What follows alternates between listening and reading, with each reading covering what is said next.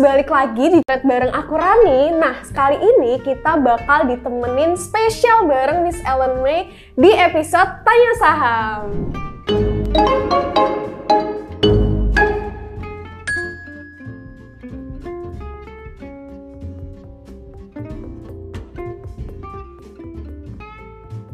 Nah, kemarin teman-teman sosmed nih banyak yang nanya nih Miss dari sosmed itu banyak pertanyaan gimana sih Miss cara memanage emosi dan pertanyaan seputar saham lainnya. Nah, kali ini kita langsung aja ke pertanyaan pertama nih Miss ya dari sosmed. Sebenarnya seberapa penting sih Miss psikologi trading dan emosi ketika kita lagi trading ataupun investasi saham. Hmm, jadi temanya kali ini bicara tentang psikologi trading ya, pastinya juga psikologi investasi gitu. Iya. Uh, berapa penting sih sebenarnya kita bisa mengelola psikologi atau uh, emosi kita saat trading maupun investasi? Saya bilang sangat penting sekali. Kenapa? Karena kalau kita nggak bisa mengelola secara psikologi kita, uh, kadang tuh yang terjadi kita mengerti strateginya tapi tidak bisa menjalankannya. Kenapa demikian? Karena otak kita tuh terbagi jadi tiga. Jadi kita mengenal yang namanya triune brain nih. Otak kita tuh terbagi jadi otak reptil, otak mamalia, dan juga otak neokortex. Otak neokortex ini adalah otak yang paling modern. Nah, otak reptil ini dia tuh eh, merespon dengan fight or flight. Jadi merespon dengan kalau misalkan kita menerima satu hal yang dianggap sebagai ancaman, dia akan kabur atau dia akan menyerang gitu. Nah, jika kita mengalami kerugian dalam trading atau investasi saham atau investasi apa pun, kalau misalkan informasi itu ditangkap oleh otak reptil kita, yang terjadi adalah kita mau balas dendam, kita mau uh, kabur atau kapok dalam uh, berinvestasi atau trading saham itu sendiri.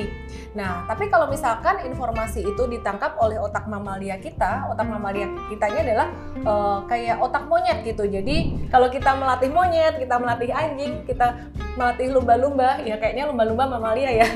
itu kan kita kasih pancingan kayak dikasih reward, kasih reward terus. Nah, otak mamalia kita ini adalah otak greed atau otak serakah. Jadi kalau informasi masuk ke otak mamalia, yang terjadi adalah serakah. Sebagai contohnya, sebagai seorang pemula, kalau dia cuan, cuan, cuan terus, maka e, informasi itu biasanya akan masuk ke otak mamalia gitu. Jadi dia akan, wah, aku mau lagi nih, mau lagi, dan itu yang menyebabkan terjadinya addiction, nambahin e, duit terus gitu. Nah, kemudian e, teman-teman kalau seandainya informasi itu bisa lolos dari otak reptil, otak mamalia, dan informasi masuk ke otak neokortex, maka kita mengambil keputusan tuh tidak berdasar emosi dan juga bisa mengambil keputusan yang objektif. Nah, hal ini tuh aku juga berproses banget kan dari dulu di awal tuh bukan berarti aku langsung bisa begitu. Karena dalam kehidupan kita sehari-hari juga setiap hari sebagai seorang manusia kita tuh punya emosi dong ya. Kan kita dikasih Tuhan otak mamalia otak reptil ini untuk satu tujuan. Otak reptil sebenarnya supaya kita waspada kan mengantisipasi risiko. Otak mamalia tuh supaya kita uh, bisa lebih apa ya semangat uh, termotivasi gitu. Cuman kalau misalkan stuck di situ atau berlebihan di situ itu nggak bagus. Nah, caranya gimana untuk kita bisa uh, membuat informasi ini masuk ke neokortex caranya ya kita trading atau investasi itu sebenarnya yang dibenerin mindsetnya dulu nih Ran dari awal. Okay, Miss, berarti gimana ya mindsetnya supaya nggak terjebak di otak reptil atau mamalia itu supaya kita tuh nggak greedy gitu Miss? Mm, dan juga nggak ketakutan juga iya, ya? Iya nggak fear juga. Betul. Iya jadi gimana sih caranya atau mindset awal ketika kita berinvestasi dan trading gitu? Ya sebenarnya balik lagi kita tarik ya kita tarik uh, jauh sebelum kita berpikir untuk investasi. Tujuan hidup kita tuh mau apa sih sebenarnya? Rani hidup mau apa? Mungkin pengennya bahagia ya mis kayak cerita-cerita dongeng kan pasti pengennya happy ending gitu Pokoknya ya. bahagia ya. Semua orang maunya bahagia gitu. Sebenarnya yang dikejar tuh cuma bahagia uh, dalam hidup ini dan banyak hal lain pastinya yang membuat kita bahagia gitu. Nah uh, yang ingin saya tekankan saat ini adalah sebenarnya investasi itu merupakan satu daya ungkit atau leverage tambahan aja gitu buat setiap kita yang sudah hidup berkecukupan Ran. Okay. Jadi buat orang-orang yang belum cukup untuk kebutuhan hidup sehari-hari, dia masih punya banyak utang, itu kita nggak saranin untuk investasi. Nah kesimpulannya orang-orang yang berinvestasi tuh mereka tuh udah uh, istilah kata tuh mau memenuhi kebutuhan hidup sehari-hari, mau uh, untuk dana pendidikan, untuk dana cadangan, dana darurat itu udah ada alokasinya gitu. Jadi Hmm. istilah kata nih uang ada uang lebih, uang dingin. Nah kalau belum ada uang lebih jangan dimasukin di situ. Mindsetnya adalah artinya orang-orang yang udah punya uang cukup ini bahkan punya uang lebih itu mereka hidupnya udah berkecukupan kan. Hmm. Jadi istilah kata tuh mau makan Udah ada. ada ya kan mau pendidikan ada sekolah bisa mau berlibur ya kalau gaya hidupnya yang nggak sampai jor-joran banget ya semua bisa gitu. Jadi di sini artinya hidup kita udah cukup. Nah dari sini saya pengen sharing tentang satu mindset yang saya pelajari juga. Ketika kita merasa cukup dengan hidup kita saat ini maka ketika kita investasi itu nggak akan jor-joran atau jadi greedy. Hmm. Nah, sebenarnya yang buat orang greedy di awal adalah karena dia merasa dia itu kayak kurang terus dalam hidupnya gitu. Jadi kurang kurang kurang kaya, kurang berhasil, kurang sukses kayak gitu. Jadi ya eh, mesti mencukupkan diri dengan apa yang kita miliki saat ini dulu. Mindset cukup itu sangat penting sekali gitu. Oke deh. Berarti kalau misal nih banyak orang kan yang menganggap kalau investasi saham ini bakal uh, meningkatkan uh, dana kita, bakal uangnya tuh berkali-kali lipat gitu. Dengan mindset itu, mindset orang-orang seperti itu, menurut Miss gimana? Ya, kalau menurut aku sih sebenarnya sangat possible sekali ya Hmm. eh, untuk investasi saham itu eh, bisa melipat gandakan aset kita. Tapi yang terpenting di awal adalah kita menjaga ekspektasi kita. Nah, banyak orang yang eh, ngerti tentang cuan-cuan-cuannya Hmm, aja, betul. diiming-imingin cuan. Iya. Tapi kita mesti harus tahu ada resiko juga. Ingat-ingat ciri-ciri investasi bodong, pengajar bodong, apa pun yang bodong selalu berawal dari iming-iming cuan doang tanpa ngingetin resiko gitu loh. Jadi berawal dari iming-iming cuan tanpa ngingetin resiko. Nah, itu yang kita perlu waspadai, kita perlu antisipasi gitu. Jadi Miss tadi kan ketika kita berinvestasi kita harus ngerasa cukup dulu kan ya. Nah terus kalau aku sendiri kan masih ngerasa kayaknya belum cukup-cukup deh, kayaknya belum sukses-sukses ya. Jadi kalau definisi Miss sendiri, kalau sukses itu di tahap mana sih Miss? Jadi tadi kan kita bicara ya bahwa investasi itu diawali dengan satu rasa cukup gitu.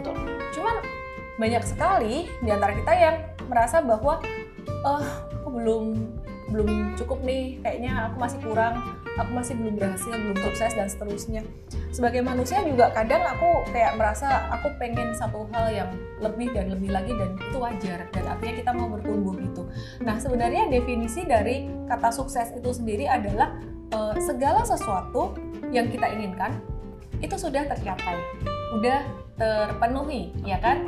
Coba Rani pikir eh, dari dulu waktu kecil sampai sekarang, ya Rani ada nggak hal-hal yang Rani inginkan dan sudah terpenuhi? Banyak dong ya.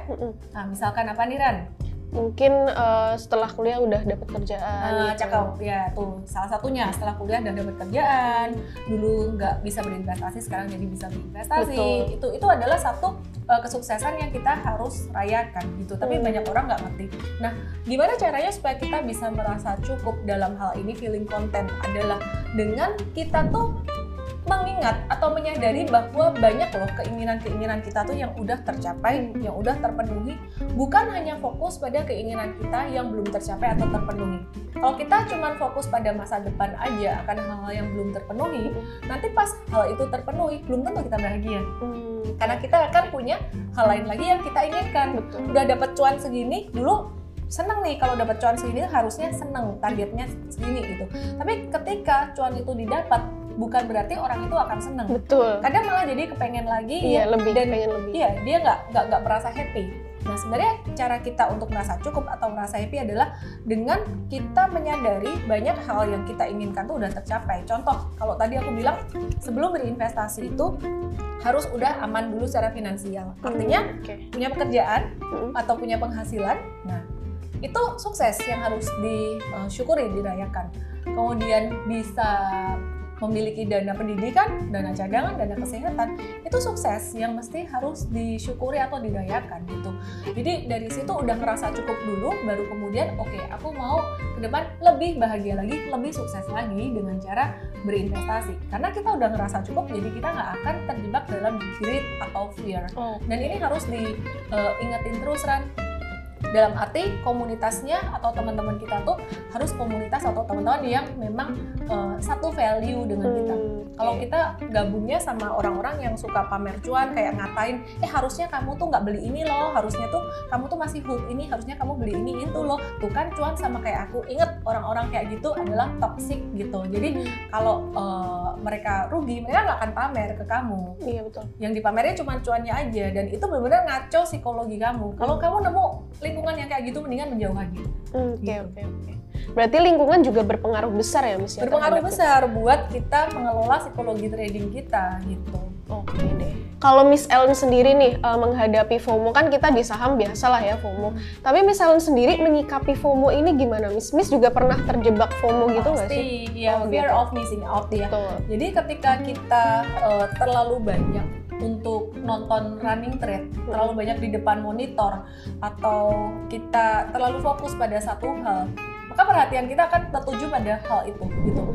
Jadi saran saya sih mungkin eh, jangan justru jangan trading for living dalam arti tiap hari duduk di depan layar Monitor. monitor, mantengin terus. Nah mungkin cukup kalau misalkan teman-teman pakai uh, M-Trade sebagai member VIP itu uh, nyalain aja notifikasinya. Pas notifikasinya nyala baru dilihat gitu. Kenapa?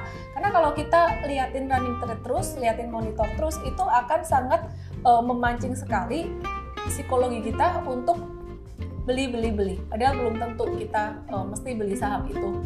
Itu yang pertama. Kemudian supaya kita nggak FOMO, uh, kita mesti set dulu dari awal. Aturan-aturannya tuh di set dulu dari awal. Jadi misalkan aku mau masukin uang di saham ini berapa rupiah, itu harus di set dari awal. Jangan terus kayak pas lagi marketnya menarik, aku nggak bilang bagus ya. Market menarik tuh kayak rame, nah itu orang akan nambah-nambah terus. Begitu marketnya lagi turun, wah terlalu banyak nih uang yang udah dimasukkan pas tadinya lagi confident. Jadi jangan pakai perasaan. Diatur dari awal berapa banyak uang yang masuk ke saham dan kemudian kita juga atur eh, berapa banyak sih saham yang sebaiknya boleh kita beli. Jadi misalkan masukin uang nih contoh ya, contoh aja 100 juta atau 10 juta. Nah, mungkin satu saham tuh maksimal berapa? Misalkan 100 juta berarti satu saham mungkin maksimal 10 juta atau mungkin kalau 10 juta maksimal satu sahamnya 1 juta. Berarti teman-teman punya eh, sekitaran 10 saham maksimal. Tapi 10 saham ini juga nggak harus semuanya dibeli bareng Oh, gitu loh. gitu. Itu kayak satu kapasitas yang eh, maksimum capacity-nya gitu. Misalkan kamu belinya baru cuma dua atau tiga saham ya biarin, biarin aja sisa uangnya tuh dalam bentuk cash di Hmm, situ oke, gitu. oke. Nah, itu tips supaya kamu-kamu nggak FOMO. Oh ya, ada satu lagi tipsnya. Itu tadi, kalau aku sih lebih seneng eh, belajar secara mandiri ya Hmm. dan nggak terlalu banyak bergabung dalam satu grup discussion. Kalau gabung dalam grup discussion, eh, kita punya analisis bisa bias karena pendapat dari orang-orang di grup tersebut beli ini, jual itu. Jadi lebih baik belajar strateginya atau caranya. Oke deh, mantep banget ya teman-teman tips anti FOMO dari Miss Ellen. Jangan lupa kalian bisa download juga aplikasi M-Trade di App Store ataupun Play Store biar kalian tuh tahu tips-tips anti FOMO dan kalian juga bisa eh, liatin stock pick kita biar kalian nggak terus-terusan tuh lihat monitor gitu. Nah, buat kalian yang mau gabung jadi member VIP M-Trade dan dapetin stock picks-nya kalian bisa langsung cus ke mtrade.id slash WhatsApp ya teman-teman. Itu tadi tips seputar psikologi trading ala Miss Ellen May. Dan kalau kalian suka video ini jangan lupa like videonya, subscribe juga channel YouTube M-Trade dan turn on your notification ya supaya kalian nggak ketinggalan video terbaru dari M-Trade. Segitu dulu ya video dari kami. See you on the next video. Bye bye.